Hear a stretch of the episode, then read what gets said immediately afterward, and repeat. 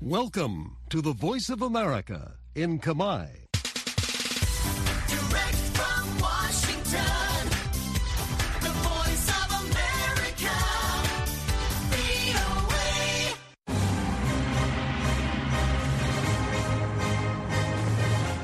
សួស្តីប្រិយមិត្តអ្នកស្ដាប់ជាទីមេត្រី នៅក្នុងកម្មវិធីផ្សាយតាមវិទ្យុរបស់ VOA នៅព្រឹកថ្ងៃពហុទី25ខែមករាឆ្នាំ2024នេះ ខ្ញុំជឹងពូជីននិងសហការីនៃក្រុមផ្សាយជាខេមរៈភាសាសូមស្វាគមន៍ប្រិយមិត្តពីរដ្ឋធានី Washington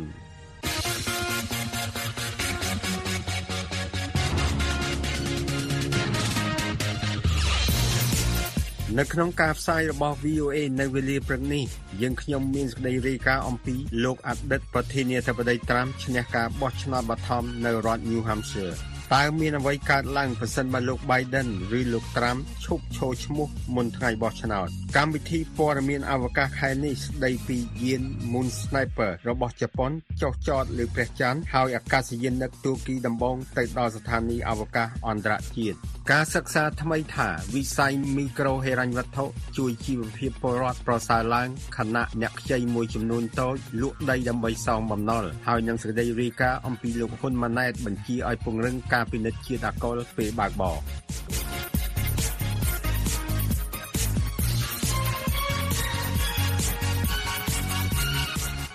អ្នកបោះឆ្នោតនៅរដ្ឋ New Hampshire បានផ្ដល់ជ័យជំនះជាក់លាក់ដល់បេក្ខជនកាលពីថ្ងៃអង្គារនៅក្នុងការបោះឆ្នោតទី1មុនដល់ការបោះឆ្នោតប្រធានាធិបតីឆ្នាំ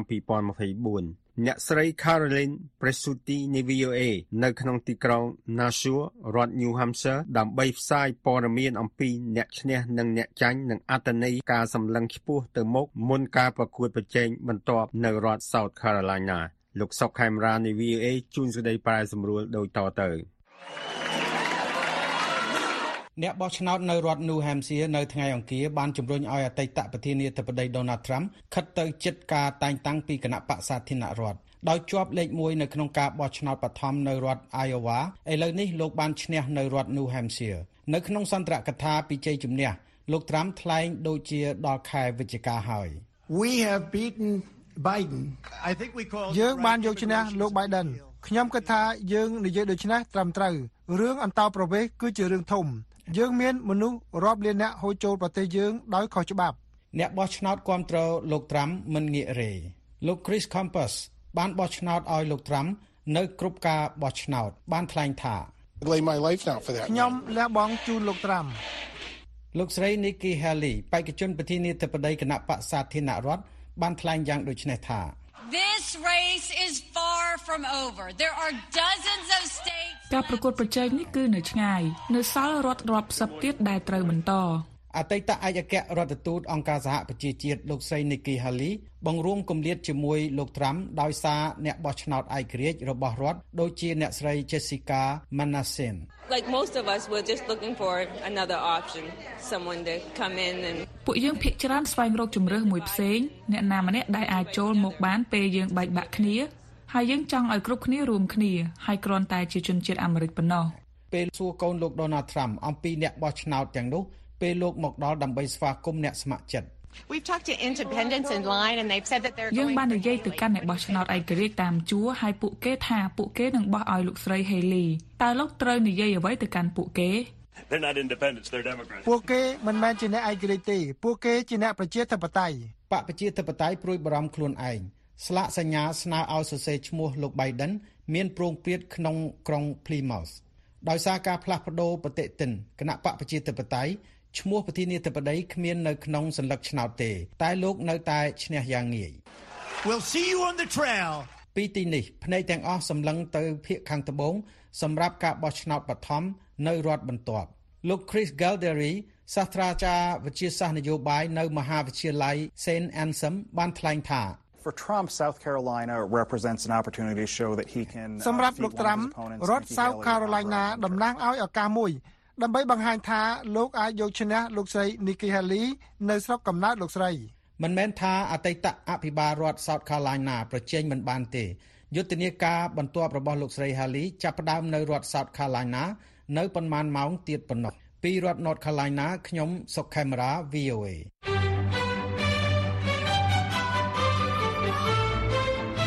ប្រិយមិត្តជាទីមេត្រីឥឡូវនេះកម្មវិធី Hello VOA ស្ដីពីសុខភាពដែលតែងតែចាក់ផ្សាយនៅរៀងរាល់ថ្ងៃប្រហ័សសប្តាហ៍ទី3នៃខែនីមួយៗក៏មានជាវីដេអូផងដែរលោកអ្នកនាងអាចទស្សនាកម្មវិធី Hello VOA ស្ដីពីសុខភាពនេះបានដោយចូលទៅកាន់គេហទំព័ររបស់យើងខ្ញុំដែលមានអាសយដ្ឋាន khmer.voanews.com រួចចុចលើពាក្យកម្មវិធី Hello VOA នោះលោកអ្នកនឹងចូលទៅដល់ទំព័រមួយទៀតដែលមានកម្មវិធី Hello VOA សុខភាពហើយលោកអ្នកនាងអាចទស្សនាវីដេអូមួយណាក៏បាន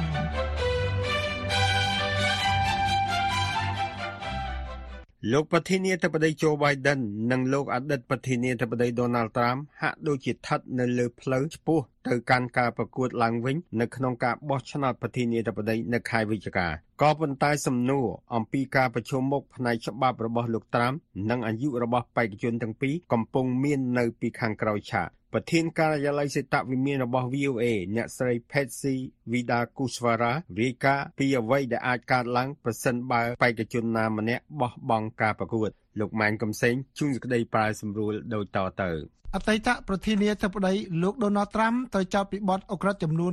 91ហើយសំណុំរឿងមួយត្រូវរំពឹងថាកាត់ក្តីនៅឆ្នាំនេះលោកប្រធានាធិបតីជូបៃដិនអាយុ81ឆ្នាំអាចមានបញ្ហាសុខភាពលោកប្រធានាធិបតីជូបៃដិនបានថ្លែងថាកសែតថាអាយុច្រើនរបស់លោកបៃដិនជាបញ្ហាធំប៉ុន្តែលោកត្រាំមិនអីទេ លោកត្រាំអាយុ77ឆ្នាំដែរហើយលោកដូណាល់ត្រាំបានថ្លែងថាយប់ដ៏សំខាន់គឺនៅខែវិច្ឆិកានៅពេលដែលយើងយកប្រទេសយើងមកវិញប៉ុន្តែតើមានអ្វីកើតឡើងបើមានអ្នកណាម្នាក់ស្លាប់ឬពិការនៅមុនការបោះឆ្នោតខែវិច្ឆិកាប្រសិនបើកើតឡើងមុនមហាសន្និបាតគណៈបករដ្ឋមួយចំនួនអាចពន្យាការបោះឆ្នោតបឋមដើម្បីឲ្យបេក្ខជនច្រើនទៀតចូលប្រកួត អ្នកឈ្នះការបោះឆ្នោតបឋមត្រូវបានប្រកាសជាផ្លូវការថាជាបេក្ខជនប្រធានាធិបតីរបស់បកនៅក្នុងសន្និបាតនោះគណៈបកសាធារណរដ្ឋរៀបចំនៅខែកក្កដាហើយគណៈបកប្រជាធិបតេយ្យនៅខែសីហាប្រសិនបើបេក្ខជននាំមុខដកខ្លួនហើយគ្មានបេក្ខជនណាម្នាក់ទទួលបានសម្លេងភាគច្រើនទេ ប្រតិភូអាចជ្រើសរើសអ្នកផ្សេងបានលោក John Fortier អ្នកស្រាវជ្រាវផ្ដោតលើការបោះឆ្នោតនិងនិរន្តរភាពរដ្ឋាភិបាល នៅវិទ្យាស្ថាន American Enterprise បានថ្លែងថា ប្រតិភូទាំងនោះនឹងមានសេរីភាពចរចាច្រើន ដោយជ្រើសរើសនរណាម្នាក់ក៏បានសូម្បីអ្នកដែលមិនបានចូលឈ្មោះរឿងនេះធ្លាប់កើតឡើងក្នុងប្រវត្តិសាស្ត្រប៉ុន្តែសន្និបាតជាអ្នកសម្រេចថាតើអ្នកណាជាបេក្ខជនតំណាងឲ្យគណៈបកបើបេក្ខជនឈប់ឈរឈ្មោះបន្ទាប់ពីមហាសន្និបាតគេនឹងកោះប្រជុំប្រតិភូឡើងវិញដើម្បីជ្រើសរើសអ្នកជំនួសប៉ុន្តែមិនធានាថាបានទៅបេក្ខជនអនុប្រធានាធិបតីទេបន្ទាប់ពីការបោះឆ្នោតគឺដំណើរការស្រដៀងគ្នានេះដែរ ឧទាហរណ៍ថាលោក Biden ឈ្នះនឹងមិនអាចធ្វើការបានអនុប្រធានាធិបតីគឺអ្នកស្រី Kamala Harris នឹងមិនអាចក្លាយជាអ្នកជំនួសដោយស្វ័យប្រវត្តិទេហើយអង្គបោះឆ្នោតជ្រើសរើសម្ដងទៀតប៉ុន្តែតើមានអ្វីកើតឡើងប្រសិនបើអង្គបោះឆ្នោតមិនអាចយល់ស្របគ្នាលោក Michael Tonning នាយកផ្នែករចនាសម្ព័ន្ធប្រជាធិបតេយ្យនៅមជ្ឈមណ្ឌល Bipartisan Policy Center បានថ្លែងថា At that point um the election would go to the House of Representatives នៅពេលនោះការបោះឆ្នោតនឹងទៅរដ្ឋសភាបើគ្មានបេក្ខជនណាអាចទទួលបានសម្លេងភាគច្រើនដូច្នេះហើយការបោះឆ្នោតពិតជាបញ្ចប់ដោយអ្វីដែលយើងមិនបានប្រឈមមុខរាប់រយឆ្នាំមកហើយប្រសិនបើប្រធានាធិបតីជាប់ឆ្នោតស្លាប់បន្ទាប់ពីសភាបញ្ជាក់លទ្ធផលឆ្នោតនៅថ្ងៃទី6ខែមករាអនុប្រធានាធិបតីដែលជាប់ឆ្នោតនឹងត្រូវកាន់តំណែងជាប្រធានាធិបតី គ្រប់សេណារីយ៉ូទាំងនេះអាចជាដំណើរការរញ៉េរញ៉ៃខ្លាំងដែលអូសបន្លាយក្នុងតុលាការជាពិសេសប្រសិនបើលទ្ធផលទៅបានប្តឹងជំទាស់ដោយដែលប្រទេសនេះបានឃើញការឡោមព័ទ្ធវិមានសភារបស់សហរដ្ឋអាមេរិកដោយអ្នកគាំទ្រលោកត្រាំនៅថ្ងៃទី6ខែមករាឆ្នាំ2021វាអាចក្លាយជាការបង្ហូរឈាមម្ដងទៀតពីរដ្ឋធានី Washington ខ្ញុំម៉ែនកឹមសេង VOA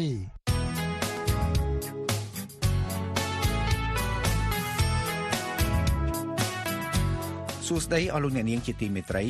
VOA យើងខ្ញុំសូមជម្រាបលោកអ្នកថាក្រៅពីផ្សព្វផ្សាយព័ត៌មានអំពីប្រទេសកម្ពុជា ជាអត្ថបទនិងសំឡេងលោកអ្នកថែមទាំងអាចទទួលព័ត៌មានជារូបភាពវីដេអូផងសូមលោកអ្នកចូលទៅកាន់ youtube.com/voa khmer service ដើម្បីបើកមើលព័ត៌មានជាវីដេអូថ្មីៗដែលរួមមានទាំងបទសម្ភាសន៍បទយោការនិងព័ត៌មានផ្សេងៗទាក់ទងនឹងប្រទេសកម្ពុជា និងពលរដ្ឋអាមេរិកដើមកំណើតខ្មែរ ជាថ្មីម្ដងទៀតអាស័យដ្ឋាននោះគឺ youtube.com/voa khmer service សូមអរគុណ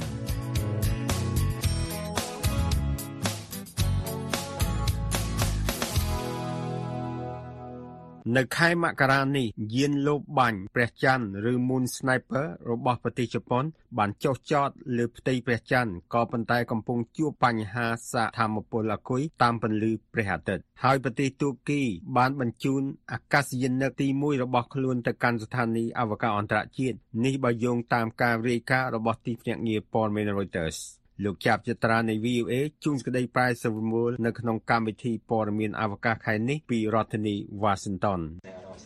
នៅក្នុងព័ត៌មានអវកាសនៅខែមករានេះប្រទេសជប៉ុនបានក្លាយជាប្រទេសទី5ដែលបានដាក់យានអវកាសនៅលើព្រះច័ន្ទប៉ុន្តែបញ្ហាធម្មពលអាចបញ្ចប់បេសកកម្មនេះមុនការគ្រោងទុកយាន Smart Lander for Investigating Moon ឬ SLIM របស់ប្រទេសជប៉ុនដែលមានឈ្មោះហៅក្រៅថាយានលបបាញ់ព្រះច័ន្ទឬ Moon Sniper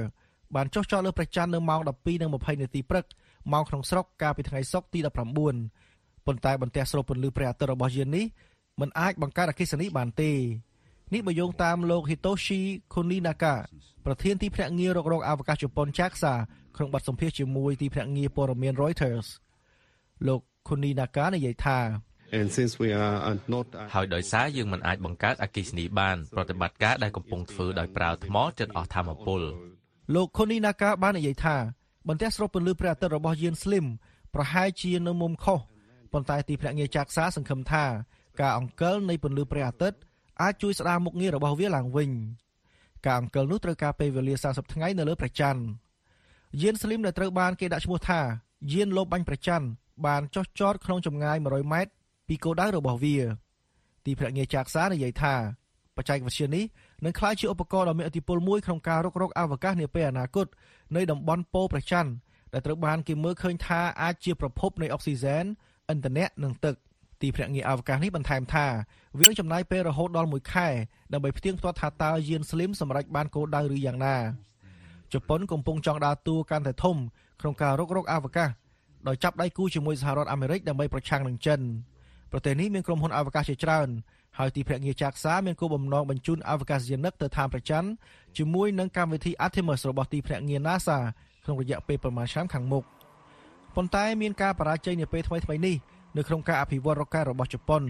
រួមទាំងការបរាជ័យនៃការបាញ់បង្ហោះរ៉ុកែត H3 ថ្មីរបស់ខ្លួន កាលពីខែមីនាឆ្នាំមុន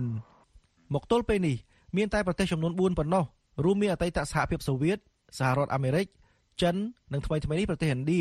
ដែលសម្រេចបានការចោះចតនៅលើផ្ទៃព្រះច័ន្ទហើយមិនមានក្រុមហ៊ុនឯកជនណាមួយបានចោះចតលើព្រះច័ន្ទនៅឡើយទេ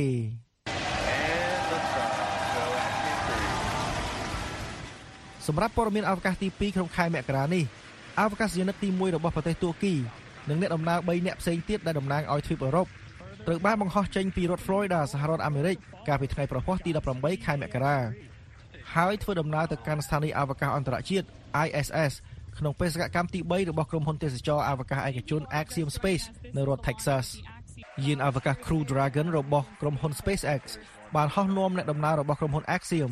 ឡើងប្រហែល1ម៉ោងមុនពេលថ្ងៃលិចពីមជ្ឈមណ្ឌលអវកាស Kennedy របស់ទីភ្នាក់ងារ NASA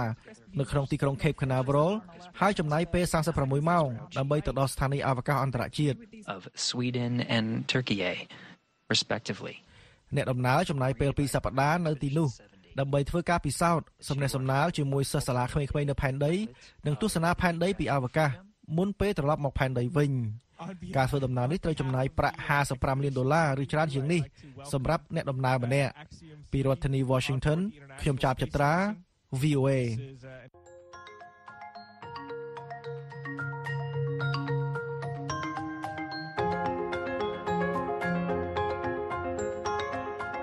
សូមស្វាគមន៍មកកាន់កម្មវិធី podcast កម្ពុជាសម្លឹងទៅមុខរដូវកាលទី2ប្រិមិត្តជាទីមេត្រី កាលពីរដូវកាលទី1អស់លោកអ្នកនាងបានស្ដាប់កម្មវិធី podcast កម្ពុជាសម្លឹងទៅមុខដល់ទៅ16ភាគដែលក្រុមអ្នកស្រាវជ្រាវកម្ពុជាឆ្នើមនិងវ័យក្មេងជាច្រើនអ្នកបានពិភាក្សានិងបកស្រាយអំពីទស្សនវិស័យនិងសក្តានុពលដែលជំរុញឲ្យមានការផ្លាស់ប្តូរវិជ្ជមានលើវិស័យនានាក្នុងប្រទេសកម្ពុជារាប់ទាំងវិស័យអប់រំសេដ្ឋកិច្ចសុខាភិបាលការទូតបរិស្ថាននិងអភិបាលកិច្ចជាដើមរដូវកាលទីពីររបស់យើងនឹងបដោតលើប្រធានបទធំមួយដែលយើងហៅថាវប្បធម៌ Digital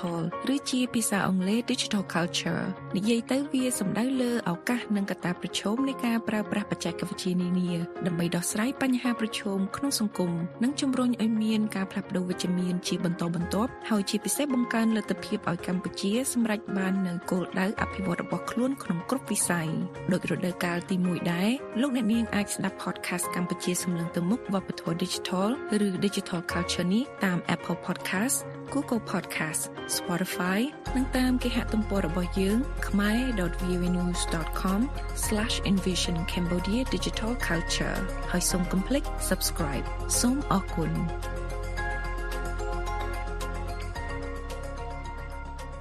ការសិក្សាថ្មីរបស់សមាគមមីក្រូហិរញ្ញវត្ថុកម្ពុជា ដែលមានសមាជិកជាគ្រឹះស្ថានមីក្រូហិរញ្ញវត្ថុបានបង្ហាញថាវិស័យមីក្រូហិរញ្ញវត្ថុបានដើរតួនាទីយ៉ាងសំខាន់ក្នុងការធ្វើឲ្យជីវភាពរបស់ប្រជាពលរដ្ឋប្រសើរឡើងនិងកំណើនសេដ្ឋកិច្ច ក៏ប៉ុន្តែរបាយការណ៍នៅតែរកឃើញថាប្រជាពលរដ្ឋមួយចំនួនតូចបានលក់ដីរបស់ខ្លួនដើម្បីសងបំណុលគ្រឹះស្ថានមីក្រូហិរញ្ញវត្ថុឬធនាគារដោយការសិក្សារបស់អង្គការសង្គមស៊ីវិលកាលពីកន្លងទៅដែរលោកសឹមច័ន្ទសំណាងរាយការណ៍លម្អិតឲ្យ VOA ពីរាជធានីភ្នំពេញដូចតទៅ ការសិក្សាថ្មីមួយរបស់សមាគមមីក្រូហិរញ្ញវត្ថុកម្ពុជាឬហៅកាត់ថា CMA ដែលមានសមាជិកជាគ្រឹះស្ថានមីក្រូហិរញ្ញវត្ថុនៅកម្ពុជាបានរកឃើញថា វិស័យមីក្រូហិរញ្ញវត្ថុបានដើរតួនាទីយ៉ាងសំខាន់ក្នុងការធ្វើឲ្យជីវភាពរបស់ប្រជាពលរដ្ឋមានភាពល្អប្រសើរឡើងប៉ុន្តែគោលបំណុលមួយចំនួនបានលក់ដីរបស់ពួកគេដើម្បីសងបំណុលដែលពួកគេបានខ្ចីពីគ្រឹះស្ថានមីក្រូហិរញ្ញវត្ថុឬធនាគារការសិក្សារបស់សមាគមមីក្រូហិរញ្ញវត្ថុកម្ពុជាបានធ្វើការស្ទង់មតិក្នុងចំណោមអ្នកខ្ចីចំនួន3262នាក់ក្នុង10ខេត្តនិងជាង450ភូមិជុំវិញប្រទេសកម្ពុជាការសិក្សាដែលចេញផ្សាយកាលពីពេលថ្មីៗនេះរកឃើញថា ស្ត្រីបានធ្វើកម្ចីឥណទានច្រើនជាងបុរសក្នុងការដាក់បង្ហាញរបាយការណ៍នៃការសិក្សាអំពីការវិតម្លៃពីផលជះមីក្រូហិរញ្ញវត្ថុនៅកម្ពុជាលោកថៃសុភាអគ្គលេខាធិការរងធនាគារជាតិកម្ពុជាលើកឡើងថាការសិក្សានេះបានបង្ហាញពីភាពចាំបាច់និងតម្រូវការនៃវិស័យមីក្រូហិរញ្ញវត្ថុនៅកម្ពុជាលោកបញ្ជាក់ថារដ្ឋាភិបាលកម្ពុជាបានប្រកាសឲ្យមានវិស័យមីក្រូហិរញ្ញវត្ថុក្នុងស្រុកក្នុងឆ្នាំ2006 បន្ទាប់ពីមានការប្រកាសពីអង្គការសហប្រជាជាតិដែលបានជួយកាត់បន្ថយភាពក្រីក្រក្នុងប្រទេសកម្ពុជាលោកថ្លែងជាភាសាអង់គ្លេសនិងប្រែសម្រួលជាភាសាខ្មែរថា Microfinance in Cambodia has become មីក្រូហិរញ្ញវត្ថុនៅកម្ពុជាបានក្លាយជាឧបករណ៍ដ៏សំខាន់សម្រាប់ការអភិវឌ្ឍសេដ្ឋកិច្ចសង្គមក្នុងការកាត់បន្ថយភាពក្រីក្រជាមួយនឹងយុទ្ធសាស្ត្របញ្ញកោណរបស់រដ្ឋាភិបាលក្នុងរយៈពេលប៉ុន្មានឆ្នាំចុងក្រោយនេះមីក្រូហិរញ្ញវត្ថុបានដើរតួនាទីយ៉ាងសំខាន់ក្នុងការទទួលបានហិរញ្ញប្បទានសង្គមដោយផ្អែកលើប្រាក់ចំណូលពីប្រាក់កម្ចីដើម្បីអភិវឌ្ឍអាជីវកម្មខ្នាតតូចនៅក្នុងប្រទេសលោកសុកវឿន ប្រធានក្រុមប្រឹក្សាភិបាលនៃសមាគមមីក្រូហិរញ្ញវត្ថុកម្ពុជាបានថ្លែងថាការសិក្សាលើការវិតម្លៃពីផលជះមីក្រូហិរញ្ញវត្ថុនៅកម្ពុជានឹងបង្ហាញពីរបៀបដែលមីក្រូហិរញ្ញវត្ថុមានឥទ្ធិពលវិជ្ជមានទៅលើការកែលម្អជីវិតរបស់អតិថិជននិងការអភិវឌ្ឍសេដ្ឋកិច្ចសង្គមលោកថ្លែងជាភាសាអង់គ្លេសនិងប្រែសម្រួលជាភាសាខ្មែរថា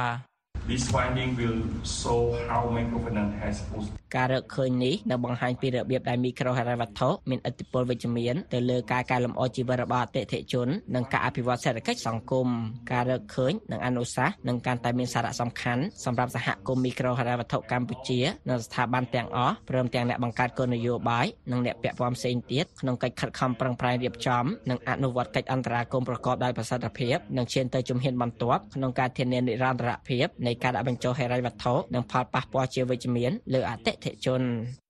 ថ្លែងនៅក្នុងការបង្ហាញរបាយការណ៍នៃការសិក្សាពីមីក្រូហិរញ្ញវត្ថុនៅកម្ពុជាកញ្ញារ៉ាទីកាគូទីរីយ៉ាទីប្រឹក្សាអភិវឌ្ឍអន្តរជាតិនៃក្រុមហ៊ុនស្រាវជ្រាវអភិវឌ្ឍឯករាជ្យ Umgrill ដែលជាអ្នកសិក្សារបាយការណ៍នេះបានលើកឡើងថាកម្ចីជាមធ្យមដែលប្រជាជនកម្ពុជាបានខ្ចីពីគ្រឹះស្ថានមីក្រូហិរញ្ញវត្ថុឬធនាគារមានប្រមាណ5000ដុល្លារអាមេរិក ដែលកញ្ញាបានសិក្សានិងបែងចែកកម្ចីឥណទានជាក្រុមគ្រួសារក្រីក្រដែលមានបានសម្គាល់ក្រីក្រពីអាជ្ញាធរនិងគ្រួសារមិនក្រីក្រកញ្ញាបានរកឃើញថាកម្ចីរបស់ក្រុមគ្រួសារក្រីក្រតែងតែមានការបង្វិលសងពីមួយទៅមួយខណៈក្រុមគ្រួសារមិនក្រីក្របានយកកម្ចីទៅកែប្រែការធ្វើជំនួញរបស់ពួកគេកញ្ញាថ្លែងជាភាសាអង់គ្លេសនិងប្រែសម្រួលជាភាសាខ្មែរថាទំហំមធ្យមនៃប្រាក់កម្ចីគ្រួសារក្រីក្រប្រមាណ3200ដុល្លារហើយសម្រាប់គំរូសរុបគឺប្រហែល5000ដុល្លារ ហើយគ្រួសារក្រីក្រពិបាកសងបំណុលបើធៀបនឹងគ្រួសារដែលមិនក្រីក្របើតាមលទ្ធផលនៃការសិក្សាក្នុងចំណោមអ្នកខ្ចីចំនួន3262នាក់មានតែប្រមាណ60នាក់ឬស្មើនឹង2%ទេដែលបានលក់ដីដើម្បីសងបំណុលលោកសាន់ជេស៊ីនហាសហស្ថាបនិកនិងជានាយកគ្រប់គ្រងនៃក្រុមហ៊ុនស្រាវជ្រាវអភិវឌ្ឍឯករាជ្យ Umgriel បានលើកឡើងក្នុងពេលដាក់បង្ហាញការសិក្សាថាប្រជាពលរដ្ឋមួយចំនួនទទួលបានផលពីការធ្វើកម្ចីឥណទាននេះ ខណៈមួយចំនួនមានភាពតានតឹងក្នុងការទូទាត់សងបំណុលឲ្យទាន់ពេលវេលាដែលធ្វើឲ្យពួកគេត្រូវការលក់ដីឬទ្រព្យសម្បត្តិមួយចំនួនដើម្បីសងបំណុលទាំងនោះលោកថ្លែងជាភាសាអង់គ្លេសនិងប្រែសម្រួលជាភាសាខ្មែរថា So the possibility of land sale ដូច្នេះលទ្ធភាពនៃការលក់ដីជាយុទ្ធសាស្ត្រសម្រាប់ភាពតានតឹងក្នុងការទូទាត់សងនាពេលអនាគតក៏ជាសំណួរដែលយើងបានសួរថាតើមានភាពតានតឹងក្នុងការទូទាត់សងនាពេលអនាគតដែរឬទេហើយប្រសិនបើអ្នកយកប្រាក់កម្ចីបន្ថែមតើអ្នកនឹងធ្វើអ្វីវាត្រូវបានទទួលស្គាល់ដោយ12%នៃអ្នកខ្ចីថាការលក់ដីគឺជាលទ្ធភាពមួយដែលសមបំណុលបានហើយ20%ក៏បានទទួលស្គាល់ថាពួកគេអាចបាត់បង់ទ្រព្យសម្បត្តិមានតម្លៃខ្ពស់ផងដែរកាលពីខែសីហាឆ្នាំ2023 អង្គការការពារសិទ្ធិមនុស្សលីកាដូនិងអង្គការសហរដ្ឋកម្ពុជាបានចេញផ្សាយរបាយការណ៍មួយស្ដីពីហានិភ័យនៃបំណុលដែលជាការសិក្សាស្រាវជ្រាវបែបបរិមាណនៃអ្នកជាប់ជំពាក់កម្ចីខ្នាតតូចនៅខេត្តកំពង់ស្ពឺរបាយការណ៍នេះបានបង្ហាញការរកឃើញនៅក្នុងការស្ទង់មតិមួយទៅលើប្រជាពលរដ្ឋចំនួន717ក្នុងផ្ទះការសិក្សាស្រាវជ្រាវនេះបង្ហាញថាការរីករាលដាលនៃភាពជំពាក់បំណុលច្រើនលើលប់នាំឲ្យមានការរំលោភសិទ្ធិមនុស្សធ្ងន់ធ្ងរជាច្រើនរួមមានភាពអត់ឃ្លានពលកម្មកុមារ និងការលក់ដីដែលបង្ខំជាដើមនៅទូទាំងខេត្តកំពង់ស្ពឺបើតាមការសិក្សាប្រជាពលរដ្ឋតាមក្នុងផ្ទះ6.1%បានលក់ដីដើម្បីសងបំណុលរបាយការណ៍បន្តថាពលកម្មកុមារនិងកុមារបោះបង់ការសិក្សាដែលសារបំណុលគ្រឹះស្ថានមីក្រូហិរញ្ញវត្ថុឬធនាគារកើតឡើងញឹកញាប់ខ្លាំងប្រមាណជា3%នៃប្រជាពលរដ្ឋតាមក្នុងផ្ទះបានឲ្យកូនបោះបង់ការសិក្សាដោយសារតែកម្ចីមីក្រូហិរញ្ញវត្ថុឬធនាគារដោយកុមារជាច្រើនត្រូវទៅធ្វើការជួយរកប្រាក់ដើម្បីបង់សងកម្ចីទាំងនោះ រាយការណ៍ប្រជាធានីភ្នំពេញខ្ញុំសំច័ន្ទសំណាង VOA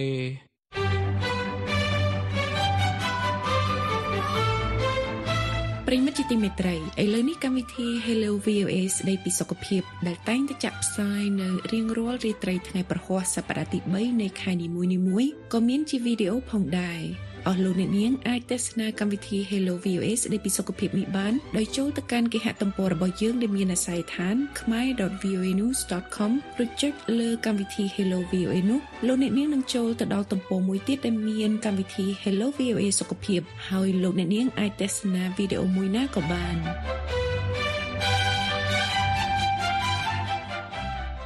ដោយសារតែគ្រោះថ្នាក់ចរាចរណ៍ជាច្រើនបានកើតឡើងនៅតាមដងផ្លូវមកពីអ្នកបើកបរស្រវឹងនាយករដ្ឋមន្ត្រីកម្ពុជាបានចេញបញ្ជាឲ្យមានការត្រួតពិនិត្យអ្នកដែលពិសាស្រាហើយបើកបរនៅពេលយប់លោកហ៊ុនម៉ាណែតលើកឡើងថាបញ្ហាគ្រោះថ្នាក់ចរាចរណ៍ដោយសារស្រាគឺជាបញ្ហាធំដែលត្រូវចាត់វិធានការ លោកហាណូយរាយការណ៍ឲ្យ VOA ពីរាជធានីភ្នំពេញដូចតទៅក្រោយមានគ្រោះថ្នាក់ចរាចរណ៍ជាបន្តបន្ទាប់ដោយសារតែការសេពគ្រឿងស្រវឹងនាយករដ្ឋមន្ត្រីកម្ពុជាលោកហ៊ុនម៉ាណែតបានបញ្ជាឲ្យមានការពង្រឹងនៃការត្រួតពិនិត្យជាតិអាល់កុលនៅពេលយប់ឡើងវិញ។ ការថ្លែងរបស់លោកហ៊ុនម៉ាណែតបែបនេះធ្វើឡើងក្នុងពិធីបិទសន្និបាតបុកសរុបលទ្ធផលការងារឆ្នាំ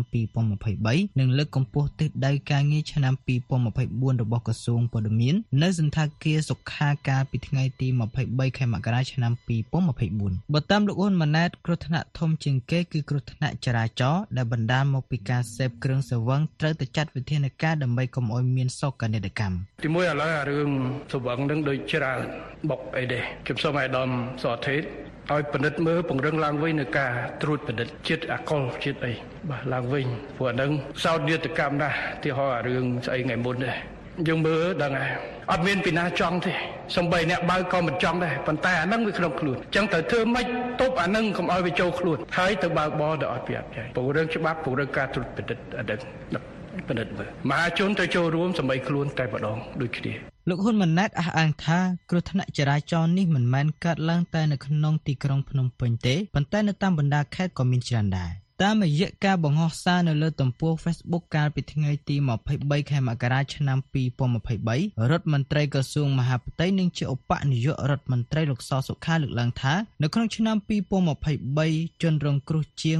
1500នាក់បានស្លាប់នៅលើដងផ្លូវដោយសារតែគ្រោះថ្នាក់ចរាចរណ៍ហើយមូលហេតុចម្បងគឺដោយសារការបើកបរក្រោមឥទ្ធិពលគ្រឿងស្រវឹង លលោកបន្ថែមថាការបញ្ជាយានយន្តទាំងក្នុងស្ថានភាពស្រវឹងមិនត្រឹមតែជាការប្រមាថអាយុជីវិតខ្លួនឯងប៉ុណ្ណោះទេប៉ុន្តែកាន់តែធ្ងន់ធ្ងរទៀតនោះគឺអ្នកអាចក្លាយជាឃាតករគ្រប់វិនាទីហើយច្បាប់នឹងគ្មានការលើកលែងឲ្យអ្នកជាដាច់ខាតលោកបញ្ជាក់ថាខ្ញុំមានសេចក្តីសង្ឃឹមនិងជឿជាក់ថាបងប្អូនប្រជាពលរដ្ឋទាំងអស់ជាពិសេសអ្នកនិយមទទួលទានគ្រឿងស្រវឹងនឹងមានការភ្ញាក់ស្មារតីរួមគ្នាគោរពច្បាប់ស្តីពីចរាចរណ៍ផ្លូវគោកជាពិសេសរួមគ្នាលុបបំបាត់ចោលនៅទម្លាប់បើកបរទាំងក្នុងស្ថានភាពស្រវឹងតាមពាក្យស្លោកបើស្រវឹងកុំបើកបរអ្នកតាមដានកត់សម្គាល់ឃើញថាมันមានការផ្សព្វផ្សាយឲ្យបានទូលំទូលាយអំពីគ្រោះថ្នាក់ដែលបង្កឡើងដោយគ្រឿងស្រវឹងដូចជាបញ្ហាគ្រោះថ្នាក់ចរាចរណ៍ជាដើមថ្លែងនៅក្នុងបទសម្ភាសន៍ជាមួយ VOA លោកយ៉ងកំឯង ប្រធានមជ្ឈមណ្ឌលប្រជាពលរដ្ឋដើម្បីអភិវឌ្ឍនិងសន្តិភាពលើកឡើងថាគ្រោះថ្នាក់ចរាចរណ៍បានកើតឡើងច្រើនដោយសារតែគ្រឿងស្រវឹងប៉ុន្តែលោកថាមានការជជែកច្រើនពីគ្រោះថ្នាក់ចរាចរណ៍ប៉ុន្តែមិននិយាយច្រើនអំពីវិធានការនៃការគ្រប់គ្រងគ្រឿងស្រវឹងនោះឡើយ។បើតាមអ្នកតាមដានរូបនេះការអនុវត្តច្បាប់ឲ្យបានត្រឹមត្រូវការបង្កើតច្បាប់ស្តីពីការគ្រប់គ្រងគ្រឿងសង្វឹងជាពិសេសហាមឃាត់ការផ្សាយពាណិជ្ជកម្មពេញផ្ទៃប្រទេសគឺជាវិធានការដ៏មានឥទ្ធិពលមួយផងដែររដ្ឋាភិបាលនឹងត្រូវតែដោះស្រាយបញ្ហាគ្រឿងសង្វឹងនេះกับបញ្ហាគ្រោះថ្នាក់ចរាចរណ៍នេះទី1គឺអឺត្រូវតែអនុវត្តច្បាប់ចរាចរណ៍ឲ្យបានត្រឹមត្រូវពាក់ព័ន្ធជាមួយនឹង លបឿនពាក់ព័ន្ធនឹងការបើកបរក្រុមអេតពលនៃគ្រឿងសង្វឹងពាក់ព័ន្ធនឹងការដាក់ទោសទណ្ឌអ្នកដែលបកបាទត្រូវតែដាក់ទោសទណ្ឌឲ្យបានសមស្របទៅតាមច្បាប់បាទมันអាចលើកលែងបាទដើម្បីមានការរៀងចាលហើយនឹងបើកត់បើក្នុងស្ថានភាពនៃគ្រឿងសង្វឹងទៀតក៏ត្រូវតែដាក់ទៅតាមនឹងដែរ បើតាមលោកយ៉ងកំឯងចំណាត់ការត្រឹមតែបញ្យលដោយមិនមានវិធានការថ្មីมันអាចទប់ស្កាត់បានឡើយហេតុនេះត្រូវតែមានវិធានការដើម្បីបដូរអេរយាប័តរបស់អ្នកស្រវឹងនិងអ្នកបើកបរ របាយការណ៍គ្រោះថ្នាក់ចរាចរណ៍នៅទូទាំងប្រទេស គិតត្រឹមថ្ងៃទី 1 ខែមករា ដល់ថ្ងៃទី 21 ខែមករា ឆ្នាំ2024 បង្ហាញថា គ្រោះថ្នាក់ចរាចរណ៍កើតឡើង181ករណី ដែលបណ្ដាលឲ្យមនុស្សស្លាប់ និងរងរបួសជាង307នាក់ ក្នុងនោះ80នាក់បានស្លាប់អាជ្ញាធរក៏សម្គាល់ថាគ្រោះថ្នាក់ចរាចរណ៍ទាំងនោះបណ្ដាលមកពីបើកបរល្មើសល្បឿនមិនគោរពសិទ្ធិ ប្រជែងនឹងបទគ្រោះថ្នាក់និងស្រវឹងនេះបើតាមរបាយការណ៍របស់អគ្គស្នងការនគរបាលជាតិគូបញ្ជាក់ថាកាលពីចុងឆ្នាំ2023និងដើមឆ្នាំ2024មានគ្រោះថ្នាក់ចរាចរណ៍រថយន្តបុកម៉ូតូចំនួន3ករណីនៅរាជធានីភ្នំពេញដែលបង្កឡើងដោយសារការបើកបរក្នុងល្បឿនលឿនខ្វះប្រុងប្រយ័ត្ននិងបើកបរក្រោមឥទ្ធិពលជាតិស្រវឹងករណីទី1កើតឡើងកាលពីថ្ងៃទី14ខែធ្នូឆ្នាំ2023 2023ដោយជនបង្កបុកបរោះជិះម៉ូតូម្នាក់ស្លាប់ករណីទី2កើតឡើងកាលពីថ្ងៃទី24ខែធ្នូឆ្នាំ2023ដែលបណ្ដាលឲ្យមនុស្ស2នាក់ស្លាប់និងម្នាក់រងរបួសធ្ងន់ចំណែកករណីទី3កើតឡើងកាលពីថ្ងៃទី20ខែមករាដែលបណ្ដាលឲ្យមនុស្ស4នាក់ស្លាប់និងរបួស4នាក់រីកាពីរាជធានីភ្នំពេញខ្ញុំហាណូយ VOA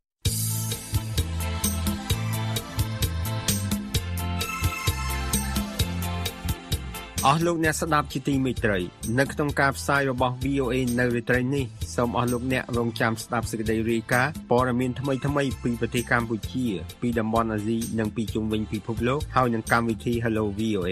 នៅរាត្រីនេះយើងខ្ញុំអញ្ជើញលោកមឿនតូឡានាយកប្រតិបត្តិមជ្ឈមណ្ឌលសម្ព័ន្ធភាពការងារនិងសិទ្ធិមនុស្សហៅកាត់ថាសង្ត្រាល់ជីវើខ្មិនលោកនឹងពិភាក្សាប្រធានបទអំពីការជួញដូរមនុស្សដើម្បីកេងប្រវ័ញ្ចកម្លាំងពលកម្ម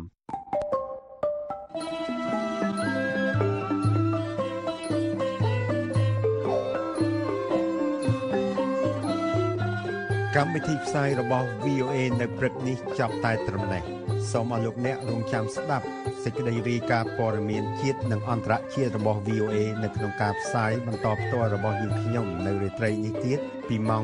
8:30នាទីដល់ម៉ោង9:30នាទី តាមរលកវិទ្យុ 25m ត្រូវនឹងកម្រិត11695និង1575 kHz ឬតាមប្រព័ន្ធអ៊ីនធឺណិតដែលមានអាសយដ្ឋានខ្មែរ .voenews.com សូមអរលោកអ្នកបានប្រកបដោយសេចក្តីសុខនិងសុភមង្គលគ្រប់ប្រការ អារុនសុស្ដី